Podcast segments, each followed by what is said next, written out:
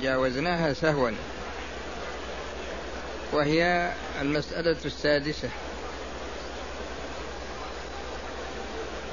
يقول رحمه الله الأحكام الخمسة إنما تتعلق بالأفعال. والتروك بالمقاصد. فإذا عريت عن المقاصد لم تتعلق بها والدليل على ذلك أمور. هذه هو سماها مسألة. هذه تنقسم إلى قسمين. القسم الأول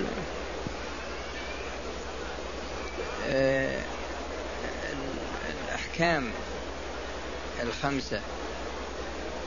الوجوب والتحريم والندب والكراهة والإباحة. فيه واجب ومحرم ومكروه ومباح ومندوب. هذه أوصاف للأفعال والحكم من الأحكام الخمسة لا يمكن أن يوجه إلا إلى فعل. وكلمة الفعل هذه تشمل ثلاثة أمور. تشمل القول لأن القول فعل. كما قال جل وعلا في سورة الأنعام زخرف القول غرورا ولو شاء ربك ما فعلوه. فأطلق الله على القول بأنه فعل. وأفعال الجوارح واضح أنها ما فيها إشكال لكن الكلام في القول. والأمر الثالث الذي هو الكف. يعني كف الإنسان مثلا هذا يطلق أيضا, أيضا, أيضا عليه فعل. فقوله هنا الأحكام الخمسة إنما تتعلق بالأفعال يشمل هذه الثلاثة. يشمل الأقوال ويشمل أفعال الجوارح ويشمل الكف. فعندما يوجه الحكم إنما يوجه باعتبار الفعل. هذا بالنظر إلى توجيه الحكم. أما بالنظر للتروك فالترك لا بد أن يقترن بنية. الترك لا بد أن يقترن بنية. ولهذا أفعال النائم أو كف النائم يعني كونه ما يقوم مثلا للصلاة ومثل الإنسان عندما يصوم يكف عن المحرمات. يعني المحرمات عليه بالصيام. فأفعال النائم وأفعال الناس وأفعال المخطئ وأفعال المجنون وأفعال السكران هذه ما تعتبر. والسكران يفعل أمورا محرمة ويترك أمورا محرمة يكف نفسه عنها. فحينئذ التروك لا بد أن تقترن بقصد فإذا ترك الصلاة وهو نائم لا يأثم. وإذا تركها وهو ساهن مثلا مثل ما إذا سهى الإنسان في صلاته. فالمقصود أن الترك لا بد أن يقترن بقصد. فإذا لم يقترن بقصد فإن صاحبه لا يكون آثما. فإن صاحبه لا يكون آثما. وهذا القسم الثاني وهو أن التروك لا بد لها من المقاصد. هذا مبني على قوله صلى الله عليه وسلم إنما الأعمال بالنيات. إنما الأعمال بالنيات. ولهذا الشخص عندما يكف عن المحرم عبادته يعني امتثالا سواء كان الكف عاما أو كان الكف عن محرم معين فإنه يكون مأجورا. هو ذكر عاد رحمه الله أنا بينت لكم القاعدة لكن هو ذكر أدلة أمرها سهل ترجعون إليها. لكن الدرس اليوم هذا في مسألة في الحقيقة تعتبر من أهم المسائل. هذه المسألة يقول رحمه الله المسألة العاشرة. يصح لا ت... لا تتكلموا يصح أن يقع بين الحلال والحرام مرتبة العفو. فلا يحكم عليه بأنه واحد من الخمسة المذكورة على الجملة. هذه المسألة هي تشتمل على جملة من العناصر. العنصر الأول ما هو المراد بالعفو؟ والعنصر الثاني هو بيان الأدلة التي دلت على وجود هذه المرتبة. والثالث مواقع هذه المسألة من الشريعة. والرابع الضوابط التي لا بد من وجودها عند طالب العلم عندما يريد أن يميز هذا الفعل. هل هو من مرتبة العفو أم لا؟ وفيه في أثناء ذلك في بعض المناقشات وسيأتي الكلام عليها. المقصود بمرتبة العفو هي ليست من يعني لا ينطبق عليها التحريم ولا الوجوب ولا الندب ولا الكراهة ولا الإباحة. لا ينطبق عليها واحد من هذه الأمور الخمسة. هذا هو المقصود وإذا فعلها الإنسان ما يكون اثما. إذا فعلها الإنسان أو تركها لا يكون آثما. والأدلة التي تدل على وجود هذه المرتبة الدليل الأول يقول رحمه الله ما تقدم أحدها ما تقدم من أن الأحكام الخمسة إنما تتعلق بأفعال المكلفين مع القصد إلى الفعل. وهذا ذكرته لكم الذي الذي هو المسألة السادسة. وأما دون ذلك فلا. وإذا لم يتعلق بها حكم منها مع وجدانه ممن شأنه أن تتعلق به فهو معنى العفو المتكلم فيه بأنه لا مؤاخذة به. هذا الدليل الأول. الدليل الثاني ما جاء من النص على هذه المرتبة على الخصوص.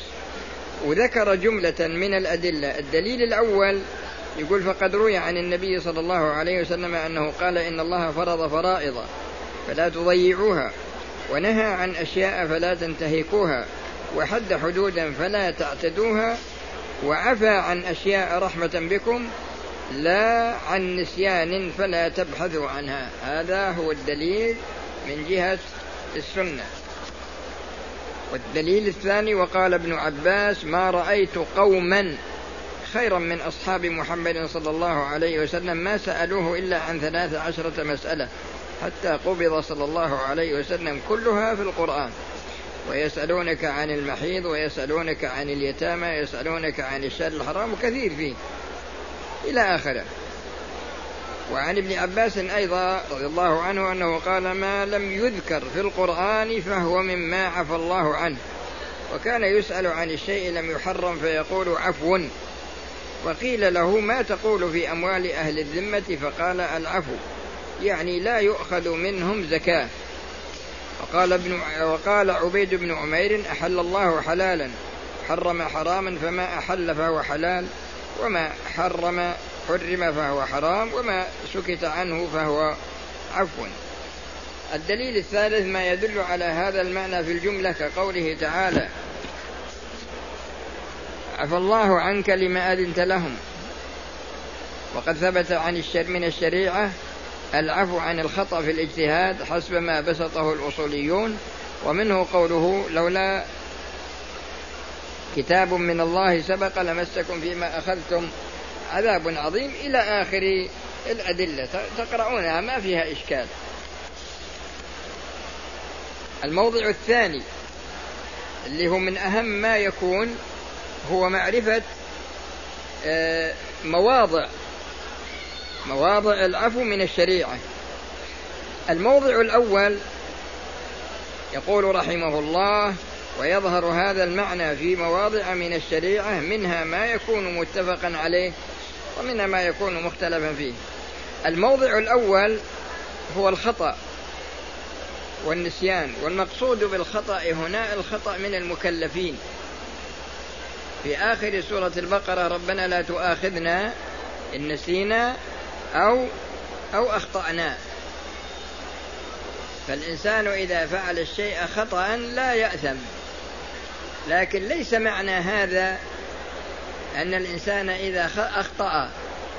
مثلا إذا أخطأ في مثلا في صلاته هو لا يأثم لكنه لا بد من الإعادة. كذلك إذا نسي مثلا صلى على غير طهارة صلى على غير طهارة فهو معفو عنه بالنظر إلى أن النسيان عذر إلى أن النسيان عذر فلا يؤاخذ على ذلك. ومن القواعد المترتبة على المتفرعة عن النسيان أن النسيان ينزل الموجود منزلة المعدوم ولا ينزل المعدوم منزلة الموجود. أن النسيان ينزل الموجود منزلة المعدوم ولا ينزل المعدوم منزلة الموجود. ومعنى ذلك أن الإنسان لو صلى الظهر خمسا سهوا هذه الخامسة بمنزلة العدم لأنه لم يطلب إيجادها. لكنه لو صلى ثلاثا فهو معفو عنه من ناحية الإثم. لكن لا تكون الصلاة صحيحة لأن الرابعة مطلوب إيجادها. مطلوب إيجادها. فهو ينزل الموجود منزلة المعدوم. ولا ينزل المعدوم يعني المعدوم الذي طلب إيجاده. وهذا موجود طلب إعدامه. فهو, لا فهو ينزل الموجود منزلة المعدوم ولا ينزل المعدوم منزلة الموجود. ولهذا الرسول صلى الله عليه وسلم لما سهى في صلاته وسلم عن نقص ركعة قالوا له أنسيت أم قصرت الصلاة؟ قال لم أنس ولم تقصر الصلاة. فتأكد فقام وأتى بركعة وسلم تشهد وسلم.